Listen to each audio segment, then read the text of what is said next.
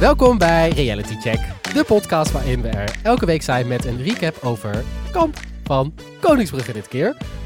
Uh, ik zit hier met Marissa en Til vandaag, de OG's. Hallo, we zijn er weer. Hi, hi. Hallo. Hallo. Um, we hebben Ik Vertrek XL achter ons gelaten. Ja. Um, en we gaan nu verder met het wekelijks bespreken van Kamp van Koningsbrugge. Um, we hebben de eerste aflevering gezien. Hoe zitten we erin? Nou ja, eh, voor mij uh, al een enorm, enorme rollercoaster. Ik heb al zweethanden gehad en ik heb ook al een traantje gelaten. Een traantje ook al? Ja. Jullie? Ik, uh, ik zat heten met mijn handen in het haar naar het scherm te kijken, letterlijk. Mijn collega's, ik kijk dit op werk, die hebben me flink uitlopen lachen hoe ik naar het scherm uh, zat te kijken. Spanning overal. Ja, want ik heb dit programma, dit is de eerste keer dat ik het programma kijk, dus ik ben een soort van de nieuwe. Jullie hebben dit eerder gezien, toch? Ja, wij zijn ervaren. Wij hebben, dit seizoen, wij hebben seizoen al, al bekeken eerder. Geweldig programma. Ja. Oké, okay, maar eens sleep ons er even doorheen. Waar gaat het programma even kort? Waar gaat het over? Het zijn tien bekende burgers in de uitdaging van, van hun leven. leven. uh, ze gaan dus uh, de korpscommandotroepen opleiding doen voor kort. En dat betekent een enorme fysieke uitdaging, maar je wordt ook mentaal op de proef gesteld. En wat voor, heel kort, wat voor een opleiding is het? De korpscommandotroepen, het hoort bij Defensie? Ja, het hoort, is onderdeel van de Koninklijke Landmacht. En dat zijn zeg maar de special forces van de Nederlandse en die gaan echt op, die worden op missie gestuurd bij de heftigste omstandigheden. Ja, um, en je moet er altijd voor zorgen dat de tegenstander jou niet kan opmerken. Dus zowel fysiek, maar ook als je spioneert of weet ik veel wat. Oh ja, ik heb namelijk het artikel gelezen over dat uh, zelfs als ze uh, op missie zijn en ze moeten plassen, dan moeten ze dat in een zakje doen. Want je mag geen sporen achter. Ja, ja, ja. Nee, dat is, daar worden ze echt enorm in getraind. Goor. ja, maar het, is, het draait allemaal om broederschap Oh, ja. en om alle vijf kernwaarden. Hè, Ja, wat waren dat ook weer? Kun je die nog even oplepelen? Ze werden genoemd. Ja, die heb ik gewoon getatoeëerd inmiddels. Dat is moed, beleid, trouw, eer en trots. Zo. Eh, en, waar, en trots, dat komt later, toch? Dat zeiden ze in deze aflevering ook. Ja, maar dat zagen we deze aflevering ook al wel bij een paar kandidaten. ik zou trots zijn als ik een van die opdrachten al af uh, had gerond. Ja. in ieder geval, het is echt een loodzware opleiding. En het is, ehm, het is heel spannend. Want meerdere, meerdere mensen kunnen winnen ook in het programma. Het is gewoon wie het haalt, heeft het gehaald. Ehm, en het wordt gepre- gepresenteerd door, het heet Kamp van Koningsbrugge, dus door Jeroen van Koningsbrugge. Wat, ehm, wat vinden jullie van hem tot nu toe? Ik vind dat hij het heel goed doet. Hij draagt dit programma echt als presentator. En hij is er zelf ook niet vies van. Hè? Ik weet niet of hij fysiek in staat is, maar hij is wel heel erg aan het preppen voor als de wereld een keer vergaat. Hè? Hoe bedoel je? Hij heeft volgens mij een keer in een interview met de Volkskrant gezegd dat hij ergens een voedselvoorraad heeft aangelegd. Niet. Jawel. Nee, is hij zo'n doomsday prepper? Ja. dus ik snap, het past wel bij hem. Hè, dat had ik helemaal niet achter hem gezocht. Ja. Ik wist niet dat het überhaupt- Ik dacht dat het alleen Amerikanen waren die dat deden. Nee, nee, dus ik denk ergens in Amsterdam, want volgens mij woont hij in Amsterdam, heeft hij een kelder vol met blikken bonen en eh ja, Dat je dan wel in- knijpfruit of zo. Dat je dan wel in Amsterdam gaat wonen als doomday prepper. Dan ga je toch lekker ergens op, op het platteland wonen. Ik bedoel, als, als er een Ja, maar kerk- daar is, het, daar is al niks. Ja, nou ja, ik vond het wat grappig. Ja. Ik wist het helemaal niet van hem. Nou ja, ehm, ik, vind, hem- ik vind hem ook altijd iets leuk doet. Hij verschijnt af en toe uit het niets, zo woef. En dan gaat hij weer. Vind ik altijd wel een goede presentatorskill. Ehm Oké, laten we beginnen met het nabespreken van de eerste aflevering. Waar hebben jullie het meest zin in bij het kijken van dit programma? Ik denk de overwinningen die kandidaten op zichzelf hebben. Dus die, die Ray en Dai, dat zijn de begeleiders in het programma, die zeggen dan tegen die mensen: Kom op, dat stemmetje in je hoofd, dat is niet echt. En dan zie je ook dat die mensen inderdaad nog kilometers, uren verder kunnen. En dat je dat zeg maar door, nou ja, ze door ziet maken, dat vind ik wel heel mooi om te zien. Oké, en dan voordat we eh, gaan naar de eerste aflevering gaan, eerst nog even een huishoudelijke mededeling. Wij zijn namelijk genomineerd voor een Dutch Podcast Award in de categorie Beste Artwork. Yay! Hebben wij zelf niks voor gedaan. Vrij weinig, toch? niet heel veel. Nee, dus moeten we wel even onze fantastische eh, designer Ja. bedanken. De Rotterdamse Xaviera Altena. Altena. Ja, Ik weet maar- dus niet hoe je haar achternaam uitspreekt. ja, Maar zij is geweldig. zij Check haar Instagram. Zet het even in de show Ja, notes. zeker. Zij maakt hele mooie dingen. Onder andere onze show art. Ja, en we zijn genomineerd door jullie, dus we willen jullie natuurlijk even bedanken. Ehm, het is wel grappig, bij deze prijs, de meeste andere categorieën kun je stemmen. Dit is een juryprijs. Ja, dus we, we- Dus in de pocket, toch? nou ja, we roepen de jury op om voor ons te kiezen. Nou, wie moet pijpen om dit te winnen? Ordinair. Ordinair. Oké, laten we naar de eerste aflevering gaan. Joejoe.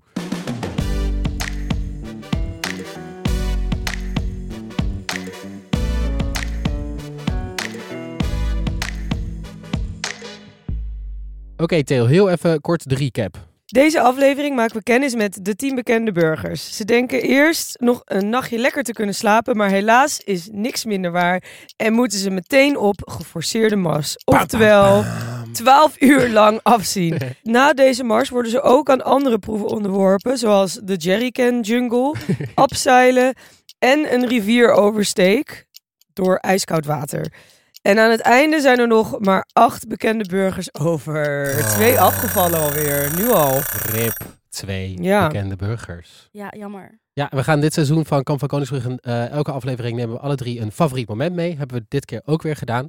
En daarna gaan we ook nog een deep dive doen in hoe wij dit programma zouden doen. Ja, want het is wel heel makkelijk, hè? Wij zitten hier gewoon ja. op een heel zachte studiobank dit te Heerlijk, vertellen centraal, allemaal. verwarmd. Nou, ik vind...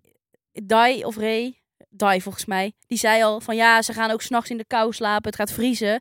Nou, ik vind 17,5 graden bij mij binnen al koud. dus weet je, wij zijn niks gewend. Wij zijn echt diva's. Oh, mijn vriend heeft nu ook al, het is nu eh, oktober, die heeft nu gewoon al standaard koude voeten en handen. is Lekker, Moet je nagaan als je in Kamp van? Koningsbrugge meedoet. gewoon chronische koude voeten. Dan, ik heb echt, als ik iets haat ook, is als je dan op kantoor aankomt en het heeft geregend en je hebt natte sokken. dat ik hier al over klaag. dat je dan de hele dag natte voeten hebt. Nou, daar kan ik echt Dus die rivieroversteek zou jij al niet halen. Ik zou zeggen rats. Ja, dan ben je niet de enigste in. Nou Ja, de, het rats is het geluid van het aftrekken van je naamtag. Ehm Til, laten we beginnen bij jouw moment die je, dat je hebt meegenomen. Namelijk de allereerste afvaller eh, Ruben eh, laat het, nou, geeft het toch vrij snel al wel op. Ja, ehm, wat er gebeurt, zij gaan dus die mars doen. En even twee dingen wat heel heftig is aan deze mars. Eén, ze hebben geen idee wanneer het stopt. En twee, het tempo ligt de hele tijd behoorlijk hoog. Vervolgens, ja, ze zijn allemaal aan het rennen. En je merkt al dat er een paar er moeite mee hebben. Maar nou, wie er niet eens met kop en schouders bovenuit steekt, maar wie wel echt fysiek aan het klagen is, wie wel echt aan het klagen is over fysieke pijn, dat is Ruben. Namelijk, hij heeft heel erg last van zijn knie, Mhm. zegt hij. En eh, op den duur gaat hij erbij zitten en hij zegt, ik kan het gewoon niet. Ik hou het niet meer, gewoon niet meer. Ik ben er klaar mee. En rats, hij trekt zijn naamtagger af. Snel, hè? Ja, en eigenlijk, dat had ik zelf nog niet door. Maar zodra je je naamtagger aftrekt, dan is het ook echt klaar. Dan kan je niet meer terug Is er, erin. dan, is er dan nog niet zo van, oh sorry, ik plak hem er toch Nee, weer op. nee, volgens mij niet. Want op den duur zei Dai ook van... Ja, je hebt je naamtagger afgetrokken. Dat is goed, maar wij gaan verder. Maar Echt weet je maar wat hij nog probeerde? Want het is natuurlijk die mars, is 12 uur, maar je weet als deelnemer niet hoe lang het is. Dat vind ik het enge eraan, of het, het, het nare eraan is dat je totaal geen vooruitzicht hebt. En dan trekt Ruben dat, zijn naamtekker af. En wat, het, dat, wat, hij, wat dan die, een van die begeleiders zegt is, maar wat nou als ik zeg dat, dat het kamp over 200 meter Ja. is? Oh. Toen zag je ook bullshit iets... trouwens, want het waren Ja. echt nog niet eens op een kwart van dit hele fucking ding. Nee. Maar wat zou je dan doen? Zou jij dan wel, zou je dan zeggen, oh nee, dan doe ik hem weer op? Ja, ik had hem dan, ik was dan weer, ik had dan denk ik wel weer gezegd, ah fuck it, die 200 meter. Maar dan ben je er dus gewoon ingeluisterd, want dan moet je dus nog acht uur. Oh, hou op met mij. Maar nee, maar dat uitzichtloze, dus dat je niet weet hoe lang je nog moet en je weet wel dat het tempo moordend is, dat je dan dus kniepijn krijgt. Ik vraag me dus af, is die kniepijn dan lichamelijk of is dat psychisch? Ja, en ik had daarover nog een heel mooi quoteje gevonden van de voice-over. Die zei, nu het licht wordt, is de nacht bijna ten einde, maar de dag nog niet. Jezus. Klinkt echt als een lyric van Guus Meeuwis. ja, het is zo van de, de, gewoon de, de, de treurigheid en de, de, totale, hoe noem je dat nou? Eindeloosheid van Ja. die dag. Het, is, Houd niet op. het houdt gewoon niet op. Maar dat vinden commando's dus kennelijk lekker. Of tenminste kunnen ze goed mee omgaan. Maar, maar wat vonden jullie van, van Ruben als dat hij het zo snel opgaf? Ja, ik, ik heb in het draaiboek gezet dat ik hem eigenlijk wel... Ik heb wel respect voor hem, want hij praat heel respectvol over dat hij zijn naamplaatje weg afdoet. En dat hij zegt, ik doe dit juist uit respect voor korpscommandotroepen. En dit is gewoon niet voor mij. Weet je wel? Het is niet zeg maar diva gedrag van Mm, eh, eh, eh, ik, ik ben een dus- rapper uit oh, Amsterdam. ik, ja, maar dat vond ik dus, zo kwam hij wel over op mij. Ik vond het echt een beetje een verwende volkszanger. Uiteindelijk. Nou, nee, dan doe je Ruben echt tekort, denk ik. Ik vond hem echt, dat ik echt dacht, ja, wat, wat ben je nou aan het doen? Nou, maar hij zei ook letterlijk volgens mij iets van... Sorry voor het verdoen van jullie tijd. En ik denk ook dat hij dat meende. Zo van, ja, dit is gewoon echt niet voor mij. Ik vond het wel mooi. Ja, ik vond ze in ehm, voordat hij, voordat iedereen eraan begint, hebben ze iedereen ook geïnterviewd aan tafel. En dan geven ze nog reacties zonder dat ze helemaal uitgeteld en moe zijn. En hierin zei hij, ja, ik doe alles net niet. ik bereik alles net niet. En toen dacht ik wel van ja, dit was wel de uitgerekende kans voor jou om te laten zien dat je het dus wel kan halen. Ja. En nu stop je. Het is op zich niet erg om als eerste te stoppen, maar ik dacht ook bij mezelf van ja, kniepijn is wel ook iets mentaals. Dus wel mentaal. Ja, dus dat hij ook zei, ja, dit is niet voor mij. Ja, dat, dat is ook op een manier gewoon mooi verbloemen of verpakken. Dat je het heel zwaar vindt en zegt, ja, maar dit is niet voor mij en ik wil jullie niet, ik wil jullie niet in de weg zitten. Maar ik denk dat je hun minder in de weg zit als je gewoon over je pijn heen zet en zegt, ik ga door. Ja. Want daar halen die korps mannen echt veel meer energie uit. Ik heb hem ook nog even, want ik wist niet wie dit was, dus ik heb hem nog even gegoogeld. Ik denk dat wat jij nu zegt over van, ja, ik doe alles net niet, zegt, ja, is ook wel een beetje het boegbeeld van zijn carrière, denk ik. Ja, da- da- daar doe ik ook op. Zeg daar maar, doelde dat je hij ook op. denkt, oef, ja, je bent wel zanger, maar net, net niet. Ja. Dus eh, Ruben, even aan de bak in je, in je vrije tijd. Ja. Weet je wat ik me trouwens wel ook afvroeg bij die geforceerde mars? Ja. Dat, nou, dat tempo lag moordend hoog. Ik vind het dus wel vet dat die Ray en Die en zo, die, hebben dus, die lopen dus mee. Die bezitten iedereen te commanderen. Maar die hebben dus zelf een enorme rugzak op. Die anderen niet. Dus die hebben het zwaarder eigenlijk dan de kandidaat. Die hoor je niet klagen. Maar zouden die cameramannen zouden Ja. die ook korpscommandotroepen zijn? Of hoe dan? Ik heb, eh, als je, al toen Ru- Ruben stopte, zie je op de achtergrond een auto die ook stil gaat staan met twee grote koplampen. Mijn theorie is, is dat daarin vijf cameramannen zitten. En dat ze gewoon ieder half uur afwisselen met elkaar. Dus dat ze de hele Ja. tijd doorrouleren. Eh, en Ja. dat ze het zo allemaal vol zo'n camera is houden. vet zwaar ook. Dus Ja, dat is meerennen met zo'n ding. Ja, maar zo, volgens mij waren het vooral veel shots van die bodycams. Oh ja. Dus van de deelnemer zelf. Maar er moet dus een enorm fitte cameraman zijn die dus meegaat. En die dit allemaal, of meerdere inderdaad. Oeh. Kunnen die even zichzelf grappig. filmen? Vijf minuutjes. Dan weten we wat voor een vlees we in de kuip hebben. Ja, maar ook Oh, ik zie geluidsmannen. Meteen denken, oeh, zijn dit Mm. fitte cameramannen? Die zijn... Nou, maar we hebben het nog niet eens gehad over geluidsmannen. Ja, Want er dan- die mogen niet zelf heel hard ademen. hebben mensen geen zendertje op. Ja, ja, dat wel, het- jawel. Maar dan nog moet je ook geluid, denk ik, filmen. Of eh, opnemen. Hmm. Ik weet niet. Wel een goede vraag. Ik ben ook wel benieuwd wie dit, hoe ze dit gedaan hebben inderdaad. Misschien als mensen luisteren en denken, ik weet dit. Let us know via Instagram. Ja, of misschien zit er... Ik heb wel eens gezien bij tv-programma's dat er dan zo'n auto voorrijdt. En dat ze zo vanuit die auto zo filmen. Dat Ja, maar dit zijn hele moeilijke toege... toe- Ja, be- die paden, ja, die, zijn onbegaanbaar.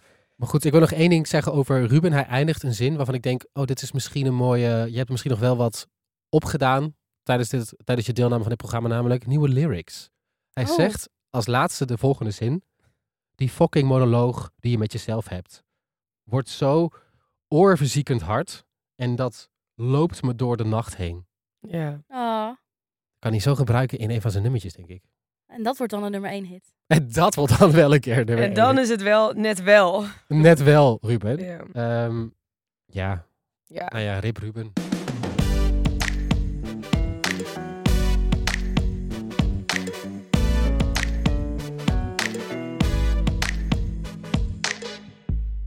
En dan door naar jou, Maris. Oh ja. Jij wilde heel graag hebben over Natas. Wegen Natas. Ja, dat is een soort eh, rode draad in mijn podcastcarrière. dat ik het graag over Natasja wil hebben. Nee, ja, Natasja Gibbs, radiopresentator. eh een van de vrouwen in dit programma. En zij zegt in het begin, ik doe mee omdat ik denk dat commando's mij zelfvertrouwen kunnen leren. Oké, nou vol- volgens mij is het vooral fysiek en mentaal uitgedaagd worden, maar zelfvertrouwen vind ik ook mooi. En wat je eigenlijk gelijk ziet in die geforceerde mars, is dat zij het heel zwaar heeft. Hmm. Ik vind het altijd wel heel mooi dat je dan zo broederlijk aan iemands achterkantje mag hangen. Dat iemand jou naar voren trekt. Maar zij heeft het heel zwaar. Zij heeft ook de kortste benen, merkte Ray heel snel op. Eh, zij is ook vocaal over haar lijden. En dat moet je als commando niet doen. Maar zij gaat heel erg jammeren. en, eh, eh. Ja, snap ik. Zou ik ook doen, denk ik. Ja, maar op den duur werd het wel een beetje.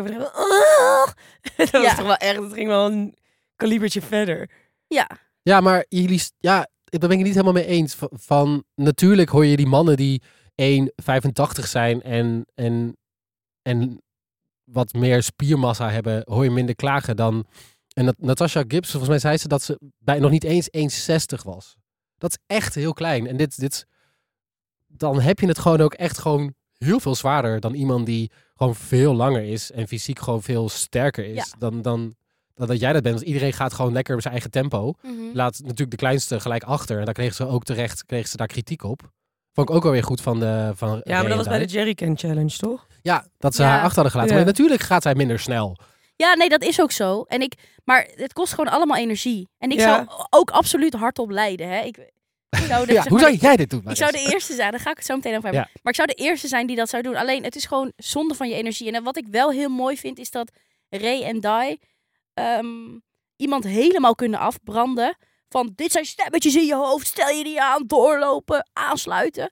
Maar tegelijkertijd zijn ze ook heel compassievol of zo. Die die zegt dan ook, ja, Natasha is de kleinste, maar die verweert zich echt kranig en die doet het echt heel goed. Dus, nou, dat vind ik heel erg mooi. En wat ik ook heel erg mooi vind, en dit is dan het tranenmoment in de aflevering, wat ik even met jullie wil Ja. delen. Met die jerrycans moeten ze die berg op. En Natasha, die moet het echt uit haar tenen halen. En die hele groep staat eigenlijk al uit te ademen. Zo van, poh, poh, poh. Missen jullie niet iemand? Ja, Natasha is er niet. En dan komt zij aangelopen, huilend. En dan moet zij voor die groep gaan staan. Oh ja. En zij denkt, ik word nu met de grond gelijk gemaakt. De groep gaat mij uitlachen. Die, die begeleider gaat mij voor schut zetten. Eh, maar wat er gebeurt is dat die begeleider zegt, zien jullie dit? En dan zegt Natasja iets van, ja, ik schaam me omdat ik de groep achterhoud. Nou, dat vond ik al, toen brak mijn hart al. Maar toen daarna zei Edino, bekend van Ruinerwold, die zei, Die, die niet meer bekend wil staan van Rijnmond. Ja. maar die zei, dat hoeft niet, wij hebben jou achtergelaten. Ja. Dat vond ik zo mooi. Dat ze in zo'n korte tijd en zo fysiek afgemat al zo zeg maar dat groepsgevoel ervaren. ja. Een beetje wat ze ook zeggen bij het Amsterdamse studentenkorps. Ja. en toen stort het hele kaartspel nog. Ik vond het echt een, e- echt een heel mooi moment dat Natasja zo gebroken was.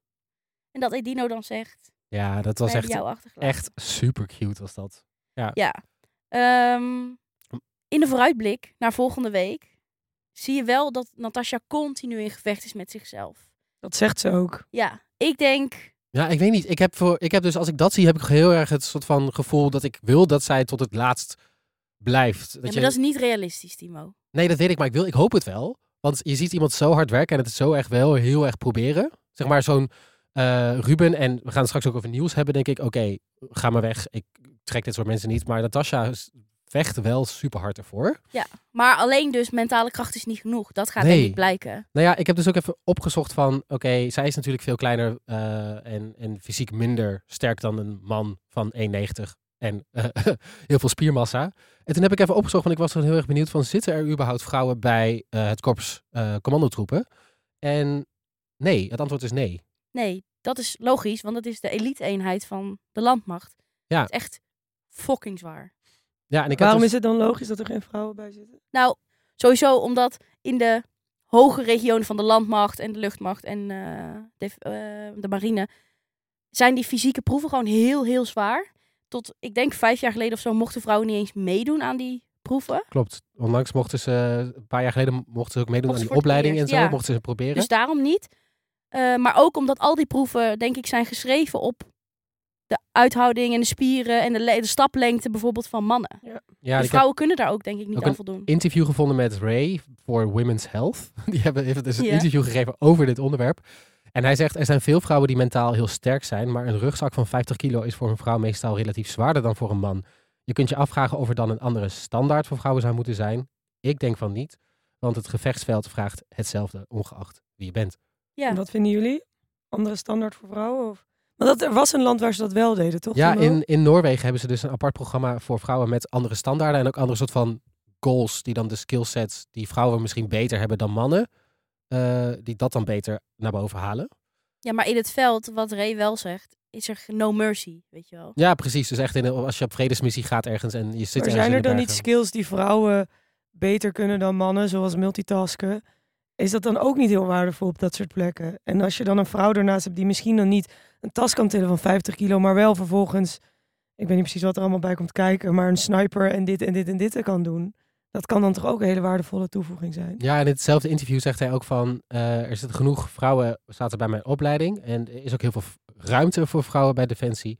Eh, en vrouwen bekleden veel leidinggevende functies en dat aantal is heel erg aan het groeien, zegt hij.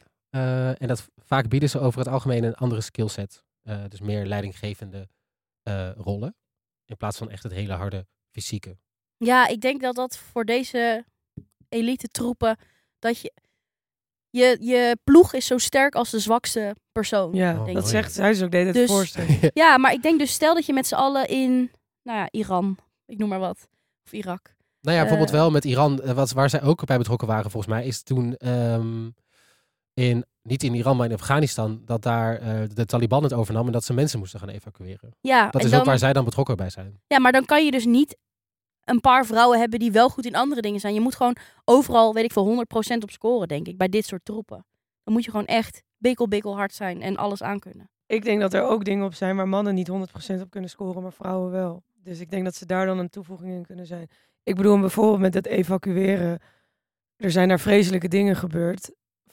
Ook voor tegen vrouwen. En dan kan ik me voorstellen dat sommige vrouwen niet door een man geholpen willen worden. Als je Hmm. dan een vrouw naast je hebt staan die bijna een even zware training als de normale korpscommandotroepen heeft gedaan, dan kan dat denk ik ook heel waardevol zijn.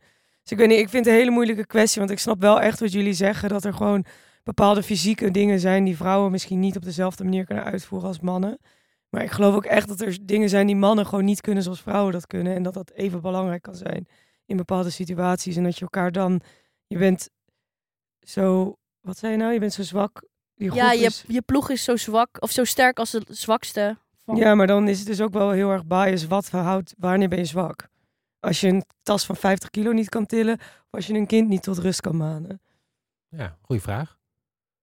Ik heb het antwoord ook niet. Maar Ja. ik, ben, ik, denk, ik ben het ook een beetje met Til eens hoor. Van, ehm, ja, wat is dan inderdaad zwak? Fysiek zwak? Ja, Mentaal? Of eh, inderdaad wat er dan in die situatie misschien nodig is waar je dan Ja. bent op dat moment? maar Eh, Misschien moeten we dat ook een keer aan de commando zelf vragen. ja, goede vraag. Oh, zullen we iemand uitnodigen? Ray, Ja, leuk. Ja, die heeft, die heeft hij vast, nou, die heeft een heel interview gegeven aan Women's Health. Die wil die vast nog wel een keer bij ons doen.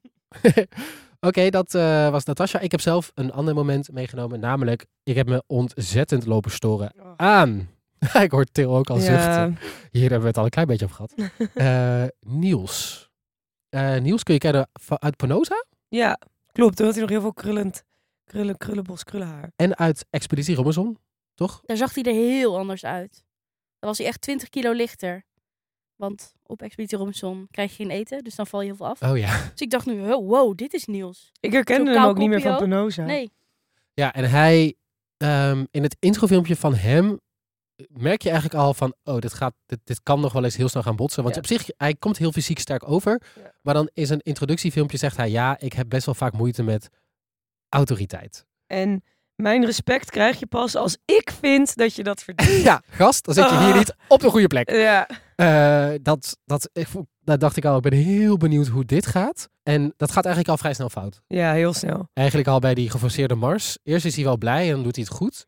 En dan krijgt hij al vrij snel op zijn kop. Wat doet hij ook alweer? nou hij was een beetje aan het sippen. Bij, dat, eh, bij die jerrycan Bij die omhoog, jerrycans bij, al, omhoog tillen was hij een beetje chagrijnig. Omdat hij orders moet opvolgen, wat niet in zijn aard ligt. Ja, gast. En toen, bij dat abseilen, toen was hij een van de eerste, geloof ik. Ik dacht, ook, ik dacht ook van, hij gaat sowieso als eerst. Zodat hij daarna denkt, kan ik lekker gaan tukken. Terwijl de rest naar beneden komt. Ja, dat, dus dat is precies wat er gebeurd is. Gek doen. En dat hij daarna, eh, daarop aange... Want ik dacht ook, dit, dit, dit kan, dit mag toch niet? Dit, Nee. niet als je in een oorlogsgebied bent, denk je ook niet even... Oh, ik ga even dutje ik doen. ga even dutje doen, de rest komt vanzelf naar beneden. En dan ga ik wel weer mee. Eh, en dan gaat, is, is ook zo'n stukje, dan is er weer zo'n eh cut-out naar, naar dat witte scherm en naar de whatever. Dan zegt hij, ja, ik, ehm, ik heb gewoon veel slaap nodig. Dat is gewoon wie ik ben. Ja, maar dat zei hij dus vooraf al. Van ja, een van de problemen zou kunnen zijn dat ik gewoon veel slaap nodig heb. nou, dat lijkt me een enorm probleem inderdaad als commando. En dan zie je hem daar ook zo liggen, zo, zo best wel van... Volgens mij was hij gelijk oud, lag hij gewoon gelijk te tukken. Eh, en ik dacht, dit gaan ze toch niet gewoon onbenoemd laten? Dit moet toch nog wel... Hier moeten toch repercussies Nou, dat heeft hij geweten. aan zitten. Nou, dat blijkt ook. Ehm, hij krijgt inderdaad op zijn flikker. Hij heeft 56 minuten lopen slapen. Dat heeft dus iemand lopen time. timed. Vond ik echt heerlijk. Eh, en hij krijgt inderdaad als straf dat als eh, later op de dag de groep gaat slapen... Als hij er dan nog is. wat dus niet het geval was... dat hij dan 56 minuten wakker moet blijven en eh, naar de groep De moet wacht moet houden. de wacht moet houden Ja. op de groep. Dat vond ik echt heel erg grappig. En ook wel een soort van terechte, terechte straf. Want je kunt niet... Wat denk je nou zelf van... Ik ga even lekker tukken en niet bij mijn groep staan. Dat, dat hoort toch niet bij wat alles wat dit programma is... en wat de korpscommandotroepen zijn? Nou, dat heeft Niels ook gedacht. Want die, ze moesten gaan omkleden voor een nieuwe proef. Nou, het eerste wat hij eh, deed is naamplaatje eraf. Ja, I'm out. eh, I'm out, hoeft van mij niet meer. Ehm, snappen jullie waar hij vandaan komt? Qua niet Maar misschien moeten we even zeggen wat, wat zijn... Waarom hij, wat zijn onderbouwing was om zijn naamplaatje eraf te trekken. Want dat vond ik eigenlijk best wel interessant. go. Hij zegt de hele tijd, ik heb moeite met autoriteit. En eh, vervolgens ja, krijgt hij echt op zijn flikker voor de hele groep. De hele groep is erbij. En hij ze- vraagt op de deur, mag ik hierop reageren? Nou, en zoals te verwachten zei Ray, nee, dat mag even niet. En ik wil nu verder praten. En toen was hij klaar met praten. En toen zei hij, en nu gaan we verder met de opdrachten. Eh, en toen heeft eh, Niels gezegd, ik begrijp niet waarom ik gecorrigeerd word. En daarom neem ik het niet aan. Als ik niet de kans krijg om te reageren, dan neem ik het niet aan. Maar ik had het gevoel dat hij eigenlijk bedoelde: ik kan niet tegen kritiek en zal me daar altijd tegen, tegen verzetten. En daarom trekt hij dat naamplaatje eraf. Ja, Ja. maar ik denk, je bent acteur. Dat, ja, dat vroeg Jeroen ook heel dat vroeg terecht Jeroen ook heel terecht. En ik vind het een hele goede vraag. Want wat nou als jij eh, op set bent en je hebt een regisseur. Die moet jou letterlijk regisseren en vertellen Ja. hoe je het moet gaan doen. Hoe pak je dat dan op? Maar dat is niet op zijn persoon. Dit was echt op wie hij is. Ja. En als acteur ben je, ben je een rol. Dus dan neem je iets aan en dan doe je iets voor wat je aan het maken bent met elkaar. Maar dit ging over wie hij is als mens. Ja, Ja, want hij, hij, hij, toen hij ook gestopt was, toen zei hij van ja, ik, eh, ik ben heel erg bezig met individueel zijn en ik ga niet mee als een vlok schapen met de rest en ik doe gewoon wat ik zelf wil en ik ben gewoon een individueel persoon. En toen dacht ik echt van, maar oh dat je... zit je hier toch niet goed? Nee, maar en ik dacht ook van ja, maar dit is ook helemaal niet waar. Jij bent gewoon echt heel erg op je tenen getrapt. Ja, je bent Gewoon op je. Je pik bent, getrapt. ja, je bent gewoon je trots is gekrenkt. En daarom ga jij dit nu onderbouwen als ik ben een individueel persoon die niemand volgt. Terwijl eigenlijk, als je echt naar de kern kijkt, zeg je... Ik ben heel erg onzeker en ik vind het vervelend om kritiek te krijgen. Maar ik en ik voelde wat me aan voor doen. lul gezet. Ja. Maar ik snap dan niet, want je had dus ook wat ik wel interessant vond, is dat, je, dat deze bekende burgers wel allemaal een voor eh, screening hebben gehad, waar ze ook allemaal oefeningen moesten doen, Psychologisch en, eh, psychologisch en fysiek. Dat ze hem er dan niet, waarom ze hem hier dan in hebben gezet. Dat ze toch wel dachten, fysiek misschien wel. Nou, maar ik denk ook dat hij een sfeermaker kan zijn en lijm in een groep en zo. Ja, want dat, dat liet ze ook wel merken nadat Ja. hij weg was. Alleen als je hem zo aanpakt, dan is hij denk ik zo gekrenkt in zijn trots. Ja. En nou ja, ik zou niet zeggen dat ik hetzelfde ben als Niels, maar ik ergens snap ik het wel. Ja, heb jij dit ook een beetje? Nou, ik zou het ook echt heel kut vinden als iemand me zo plein publiek. Maar zou Op- jij... Toch, jij zou toch wel kunnen redeneren dat het op zich niet heel gek is als jij net 57 minuten hebt geslapen. Ja, dat is wel een maar reden dat is wel nog Ja, een stap nee, verder die jij absoluut. zou Maar zetten. kijk, ik zou ook principieel kunnen zijn over van ja, what the fuck, hoezo moet ik door drie mensen, want dat zijn Niels, door drie mensen voor de hele groep voor lul worden gezet. Zo zou ik dat ook kunnen ervaren. En ik zou denk ik ook eenzelfde soort reactie hebben van oké, ik mag helemaal niks terugzetten, zeggen. Dat zou ik, nou ja, ik denk in mindere mate, maar ik snap wel zijn ego daarin. Ehm, nou ja, dus ik snap het van Niels, maar ik vind het ook dom. Ik snap zijn ego ook wel, maar ik heb gewoon... En trouwens, ik had hetzelfde gevoel bij Ruben toen hij opgaf. Ik heb het idee dat die keuzes heel erg gemotiveerd zijn vanuit emotionele redenen. Dus Ruben was ook hartstikke gefrustreerd over die knie, omdat hij niet gehoord werd. Want hij ze zei de hele tijd, het is een stem in je hoofd. En eh, Niels, die voelde zich ook niet gehoord, want hij mocht niet reageren. Allebei gefrustreerd en allebei uit frustratie dat naamkaartje eraf getrokken. Ehm, niet slim om wat in frustratie te nee, ik denk dat je daar achteraf echt spijt van kan Ja, hebben. dat je denk ik oh. Ik denk dat als zij dit nu terugzien, dat zij wel ook in kunnen zien dat het niet heel overwogen En keuzes Niels, je was ook zo dichtbij eigenlijk. Want je hebt er gewoon een twaalf uur lang moeten Ja. afzien bijna. En dan doe je in de laatste drie kwartier, whatever, scheur je dat ding eraf. Je was zo dichtbij. Ja, en ik vind dus ook, ik denk ook dat hij het in zich heeft om een commando te zijn. En dat hij dat ego zit hem echt in de weg. Ja, maar dat dan dus niet. Want als je dan als, Nee, al, op dag één al gekrenkt voelt, dan ben je echt totaal niet gemaakt voor dit. Nee, dat is waar. Maar ik vond het dan wel weer heel interessant. Uiteindelijk was Niels weg. Toen hadden ze de oversteek gemaakt door ijskoud water. Ehm, Tering koud. ja, en toen kwamen alle overgebleven kandidaten bij elkaar. En die zeiden toen letterlijk dingen als... Ja, misschien hadden we toch inderdaad bij hem moeten blijven toen Niels lag te slapen. Misschien hadden wij hem inderdaad wakker moeten maken. Eh, ja, hij was wel altijd eh, degene die voorop stond en de Ja. voortouw nam, bla bla bla. En toen, ik vond het wel interessant dat ze ook de schuld bij hunzelf legden. Ja, en ook zeiden van, oké, hier moeten we een les uit leren. Ja. Ja. Ik echt bij van, huh? Dit is toch, het ligt meer aan hem dan aan jullie. Dus Maar, dat maar vond hoe, hoe snel raar. ze al zo denken is grappig. Hè? Want dat Ja. hebben ze dus bij Natasha hebben ze dat geleerd. Van, oh ja, dat mag niet. En dat ze dat nu al op soort van oppikken. Want we hadden eigenlijk hem wakker moeten maken en er bij- meteen bij moeten betrekken. Ja. Je moet niemand laten gaan. Je moet niemand soort van... Je moet iedereen de hele tijd zo bijnemen. Maar dat is denk ik dus als je zo fysiek en mentaal tot het uiterste gedreven wordt, dan is dat leerproces ook heel snel, denk ik. Ja, dat denk ik ook. Ja. Dus dat is Ja, eigenlijk wel goed. Ze hebben eigenlijk heel veel geleerd. Dit, Ja. eh. wat ik ook nog wel grappig vond, we hadden net over die pre-screening van, van, van BN'ers. Wie denken jullie dat het niet gehad heeft? Die wel heeft meegedaan Dus die wel ding? mee heeft Ja, gedaan. Misschien Britt Dekker. ja. Oh ja. Zij is echt heel fit. Zij is zelfs Nederlands kampioen eh, iets met paarden. Paard- ja, dat is oh, superpaardrij. Ja. Zij zou dat misschien nog wel kunnen. Maar dan valt ze misschien net af of zo. Oh ja. Want op zich, ik vind het wel leuk dat ze mensen hebben gekozen, bekende burgers, die wel daadwerkelijk ook echt heel fit zijn. Ja, want kijk, je kan natuurlijk ook bijvoorbeeld Maarten van Rossum. Had ik graag willen zien. dat, dat had ook gekund. Maar ja. Ik denk ook wel, je hebt natuurlijk ook ik special... zou denk ik Maarten van Rossum zijn. Ja, maar ik denk wel, Special Forces op RTL, dat begint binnenkort ook weer. Dat is wel echt Daar zit met... Maarten van Rossum in. Dat vind ik wel, volgens mij doen zij, want dat is natuurlijk meer entertainment ook. Dus dan ga je natuurlijk echt mensen kiezen zoals inderdaad vorig seizoen Gabi Blazer, Dave Rolfink. Dave Roelvink. En dan gewoon een beetje de BN'ers waarvan je denkt, haha, ga je nooit redden. Eh, meer lachen of zo. En NPO is toch wat ethischer, denk ik, daarin. Ja. En- Misschien Tim Hofman. Ja, ik, zat- ik zat ook te denken, Tim, maar die zou dit wel kunnen, toch? Ja, maar dan kan hij niks aan de kaak stellen. Dan gaat het over zijn eigen persoontje. Dus die heeft denk ik zelf na die testen gedacht... Nee, ik doe toch liever boos. Zou Tim Hofman tegen autoriteit kunnen? Oeh. Nee, ik denk dat hij heel erg in die Tim Hofman-modus blijft zitten. ja, dat gaat je... en ik stel nu een vraag jij geeft mij nu antwoord. Ja, en je gaat antwoorden nu ook. Ja, Ja. nee, dat werkt ook Maar ik denk dat hij ook wel goed genoeg getraind is om dat dan over zich heen te laten komen. Hij weet hoe hij zichzelf moet positioneren. Ja, dat is waar. ja. Wie denk jij, Til? Heb jij nog iemand in je hoofd? Nee. Ik Ja, zou- ik had hier echt even, die had je van tevoren moeten vragen. Dan had ik even na kunnen denken. Een Arjan Lubach of zo. Nee, joh.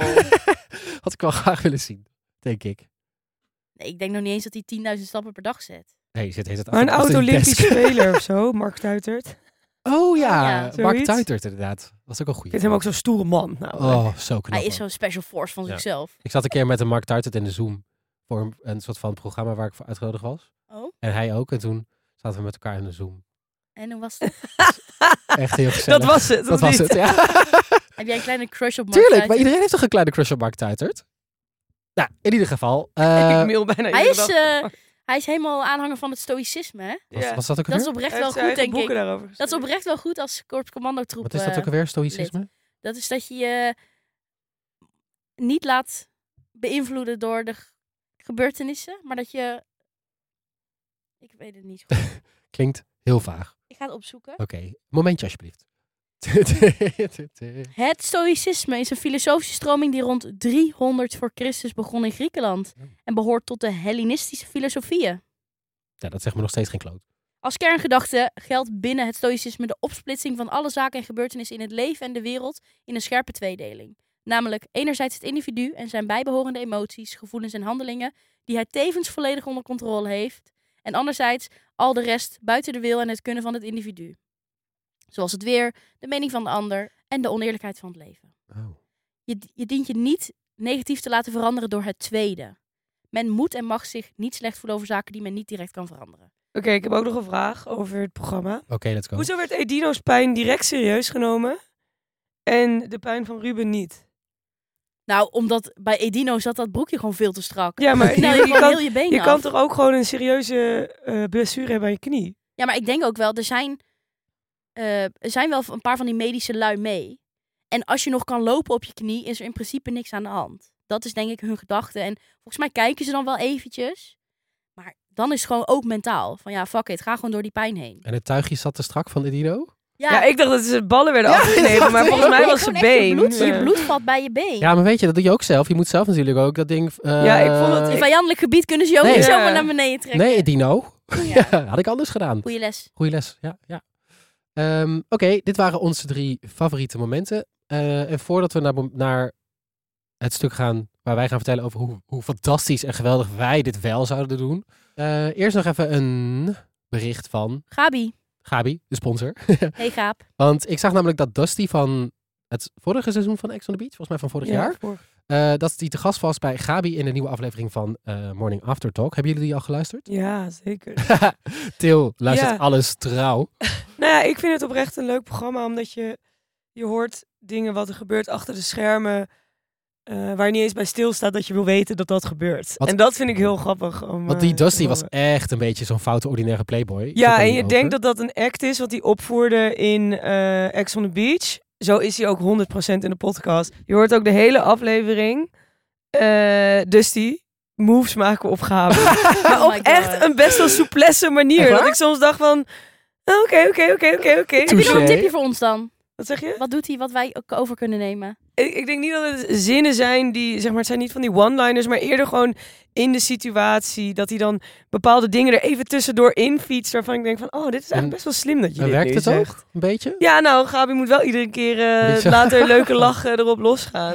Ja, want de aflevering gaat natuurlijk over dat hij een ernstig scooterongeluk heeft gehad. Ja, ik bedoel, dat- dat is best wel heftig. Hij Ja. lag zes weken in Coma. coma. Ja. En hij, heeft, eh, hij vertelt ook dat hij bij de mariniers heeft gezeten. ja, als jullie weten hoe dat is afgelopen, moet je het even luisteren.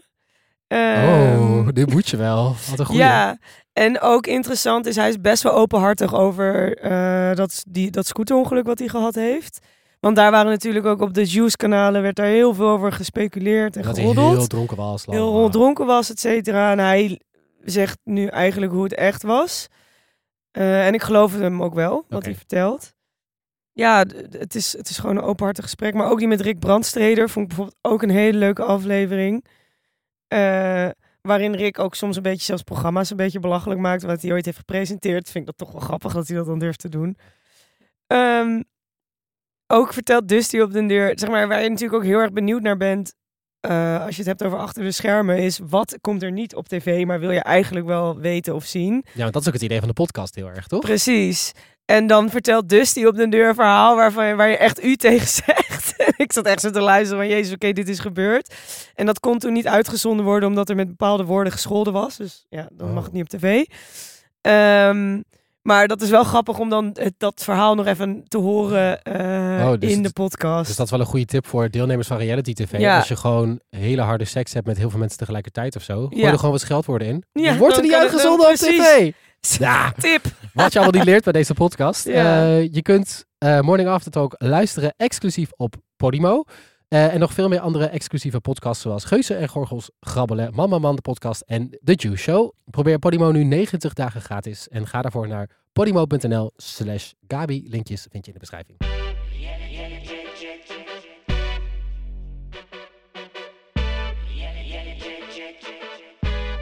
Dan natuurlijk, wij hebben hier nu heel lang eh, heel veel commentaar gegeven op de mensen die mee hebben gedaan. Dan is natuurlijk nu ook de vraag, hoe zouden wij dit doen? Zal ik, zal ik dan maar gelijk gewoon spits afbijten? Ja. Ik moet zeggen, ehm, ik denk eigenlijk al dat ik eh, in paniek zou raken. Het eerste moment van de aflevering is dat ze een tas voor zich krijgen met nieuwe kleren en dan moeten ze zich in vijf minuten omkleden. ik was echt al in paniek geraakt bij dit moment, denk ik. Ik denk dat ik al zo van rats, nou laat maar dan, dit gaat me niet lukken in vijf minuten. Nou, zo moeilijk is Het het. zijn allemaal moeilijke kleren hoor.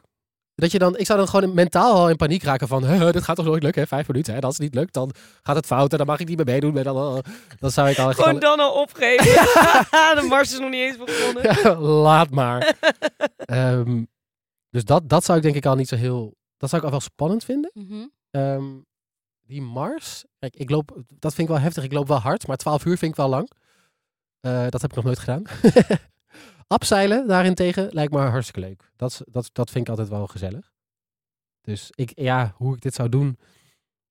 Ja, dat, dat stemmetje heb ik dan toch ook wel. Dat ken ik wel van het hardlopen. Dat als je dan ehm, eh, heel echt lange afstanden doet, dat je dan het zegt, oké, nog heel even, dan ben je daar. En als je daar dan bent, zeg je weer tegen jezelf, oké, vanaf daar moet ik weer naar daar. En Dat, dat ken ik wel heel erg. Maar of ik dat dus ook echt 12 uur lang, Zonder dat je weet wanneer je moet stoppen. dat, Dat, ook is nog, echt heftig hoor. uitzichtloos. Ja. Boompie voor boompie. gewoon, come on. Ja. Nou, dat zeiden ze toch ook? Ja. Van boom naar boom of zo zeiden ze. Dat, eh, Ja. dat je het gewoon de hele tijd heel mentaal eh, ja, moet verantwoorden naar jezelf. Ik zou denk ik alleen eh, de rivierproef doen. Dan, zo werkt het niet, hè? Nee, dat weet ik. Maar nee, dat Martial, hou op met mij.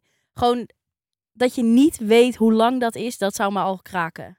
Dat zou echt al, nou ja, los van dat, je, dat ik gewoon niet 12 uur ga lopen op een tempo van mannen met benen van 2 meter. Dat gaat gewoon niet. Nee, joh, je weet toch wel eens als je de trein moet halen en je hebt eigenlijk net te weinig tijd en het is nog een kwartier lopen. Google Maps zegt dat het 10 minuten lopen is en je moet het in 8 minuten doen. Dan krijg je toch zeg maar zo pijn aan je benen. Ja, zo, dan gaan, willen je benen sneller dan wat je eigenlijk kan. dat zou je denk ik de hele tijd hebben als je met Ray en Dai op pad gaat. Lijkt me gewoon niet chill. Dus ik zou dat, nou ik zou het niet, ik zou het niet kunnen en ook niet willen. Die rivierproef denk ik dat ik wel zou kunnen zonder te vallen. hey, gefeliciteerd. Ja. Til? Ik zou het wel willen, maar of ik het kan, dat weet ik niet. Ik denk wel... Mm, Nou, ik denk dat jij van ons drieën de meeste kans maakt. ja, dat denk ik ook. Oh, hoezo? Helemaal verlegen. Omdat, eh, omdat Til gewoon bikkelhard is. Ik kan toch ook bikkelhard zijn? Nee, van jij, jij wordt al zenuwachtig van vijf minuten. Ja. Nee, en ik ben... Ik kan me... Ik, Maar ik denk dat jij ook gaat terugschelden naar Ray en Dai hoor. dat denk ik dat ik daar wel een beetje last van zou kunnen hebben. Maar ik, ik- wat voor mij wel een groot verschil zou maken is... Ik weet waar ik aan begin. Dus dan kan ik ook al van tevoren... Ik snap niet dat die Niels niet van tevoren dacht... Oké, ik kan niet tegen autoriteit, maar dit gaat er heel erg zijn. Dus ik ga het van me af laten glijden. Als je gewoon met die instelling Mm, er aan ja. begint... Ja, dat, maar dat zou... Kijk, daar, nou ja, niet alleen daarom zou ik hier niet aan, mee begin, eh, aan meedoen. Maar dat je weet dat mensen jou gaan uitkafferen... Dat is gewoon niet mijn stijl, zeg maar. Je hebt ook... Bij studentenverenigingen gebeurt dat. Vind ik ook niet leuk. Dus ik snap... Ja, ik, Maar hier doe je het nog ergens zijn. voor. Mijn studentenvereniging denk ik echt van... Ja, wil je daarbij horen? En dit is gewoon... Als je dit haalt, kan je er wel echt trots op zijn. Ja, maar weinig mensen halen dit. Ja, dat is zeker waar. Maar wat had jij het best gedaan dan, deze aflevering? Eh, ik denk ook door het water, want ik hou helemaal niet van hoogtes. Dus abseilen, dat is niks voor mij. Oh, dat vind ik Iemand zo leuk. Klapt ook tegen die muur aan, hè? Ja, dat was Natash. Oh. Ja, we're gonna keep it. Ineens is het Russisch. Ja, en daarna moest je dus nog een stuk hardlopen naar dat basecamp. Mij ook niet bellen na 12 uur, hoor. 12 uur lopen door dat Oh, maar wel water. die jerrycans lijken me trouwens ook heel zwaar. Ik zou last krijgen van mijn rug. Zou jij er twee doen of één? Ik zou sowieso één doen. 100 En ik zou gewoon water onder, ondertussen drinken, dan wordt hij minder zwaar. Smarty pants. Ja, want ze mochten ook niet eten en drinken, toch? Nou, nee, dat moet wel. Je moet toch ook wel ergens een nee, stuk... want iemand, volgens mij zei Niels, nou, een glaasje water zou al lekker zijn. Maar geen water. Krijg je geen... Twaalf uur lang moet je toch een keer water drinken? Ah, ik weet het niet. Ik weet het ook niet. Misschien als je dat water zo, tijdens de waterproef, dat je zo even stopt om water te drinken. Weet je wat ik dacht? Dat, dat, wat, wat er ging gebeuren? Want ik, heb, ik dacht dat dit programma heel heftig zou zijn. En dat is het ook wel. Maar in mijn hoofd maak ik het steeds toch nog een stukje erger. Weet je nog in die eerste scène dat ze aankomen bij het hotel... en dat ze allemaal een glaasje water krijgen? Weet je wat ik dacht dat er zou gaan gebeuren? Nee, Ik dacht, ja, die hebben daar wat in gestopt. nee joh. Jezus, dit is wel NPO, hè, waar we het over hebben. En dan worden ze allemaal wakker. Ergens in de wildernis. Nee. Maar dat is volgens mij... Ik vond dat trouwens wel slecht geacteerd van Jeroen. Van ja, jongens, eh, ga maar lekker slapen. En dan zo, alsof hij niet weet dat er iemand achter hem staat om te zeggen: jullie gaan nu mee. Echt zo. Jeroen, jouw acteercarrière is echt voorbij. Maar er was ook een ander moment dat ik ook weer dacht... Oh nee, dat, eh, dat een van die deelnemers zat het de handen in de zakken. Niels. Oh ja, Niels. En toen kwam er een soort van dreigement van... eh, als ik je nog één keer die handen in de zakken zie... eh, dan, eh, dan volgen de consequenties. Toen dacht ik, oh nee, de handen gaan eraf. Simon, Wat jij hebt echt te Een veel. horror, eh, horrorserie. oh nee. Nee, het is juist wel heel menselijk nog, maar je wordt wel gewoon helemaal afgebeuld. ja, maar geen fysieke mishandelingen. Nog niet. Nog niet. Maar volgens mij is dat wel bij Special Forces. Die gaan fysiek nog een stapje verder. Daar heb je ook een soort van verdrinkingsdood die ze naspelen. ja, klopt. Dat is dus dat is wel in jouw straatje. Ja, dat is misschien wel meer mijn programma dan. Gewoon nee, mensen, mensen dit wordt ook heel zwaar. dit wordt ook heel zwaar. Volgende aflevering, let op. Oké, even heel kort voor het einde. Het leek me leuk om elke aflevering te eindigen van wie gaat er... De volgende aflevering, wie gaat het niet redden? Wie denken jullie? Celine. Oeh, ja, die kreeg het ook op, op te verduren. hè? Maar die was gewoon psychisch aan het zeuren. Ja, maar later leek het wel weer oké. Ja, maar die, dat was geen veldje aan de lucht. Nee, dus dan kan je ook afvragen, wat was er dan in eerste instantie Precies. wel? Dus dat is- Celine, bye bye. Ik denk ook Celine. En dat is het eigenlijk voor nu. Dat die voor Ja, nu. ik vrees hem toch ook wel een beetje voor Natasha, hoor. Nee, maar ik denk ook dat Natasja er veel energie uit had. Dat eh Ray en Dai steeds naar haar toe komen van... Ja, maar je zet wel door. Ja. Ja. En dat is natuurlijk ook motiverend om te horen. Dus ook al ben je aan het zeuren. De groep heeft veel compassie voor Natas. Die voelen heel erg met haar mee. Mhm. Weet je wie ik trouwens heel leuk vind en die niet heel veel voorkwam in deze aflevering? Daphne. Ja, vind ik ook een. Daphne vond ik ook heel leuk. Echt leuk. Ik vond Iris ook echt, wel goed, echt heel, heel leuk. Ja, die zie je bijna niet, Nee, hè? en ook bijvoorbeeld Boris als die drag queen. Vind ik, dus heel, hij zegt het zelf ook, ik doe mee omdat mensen dit totaal het tegenovergestelde vinden van wat een drag queen is. Maar dat is eigenlijk niet, want volgens mij, je ziet hem bijna niet en dat is eigenlijk iets positiefs. Ja, dat denk ik ook. Hoe weinig screentime je krijgt, hoe beter, hoe beter je je het doet. het ja. doet uiteindelijk. Ja, maar die Dus- Wouter dus ook, hè? Ja, die Wouter gaat ook lekker. Een toppertje. Maar eh, ik heb ehm, wel vertrouwen in deze mensen. Ik vind het leuk. Ik vind het echt een heel leuk programma. Ik kan niet ook. wachten. En ehm, Dan was dit Kamp van Koningsbrugge aflevering 1. Wij zijn er natuurlijk volgende week weer met een nieuwe aflevering. Deel dit vooral even met al je Kamp van Koningsbrugge vrienden. Dat ze even naar ons moeten luisteren. Want na al die spanning van een aflevering heb je ons natuurlijk nodig. Volg ons even op de socials om niks te missen. En dan zien we je volgende week. Tot dan. Tot dan! Tot dan. Oh ja. Tot dan! Dat is een stemmetje in je hoofd. Hallo, wij zijn het stemmetje in je hoofd. nou, bedankt voor het luisteren. Doei doei.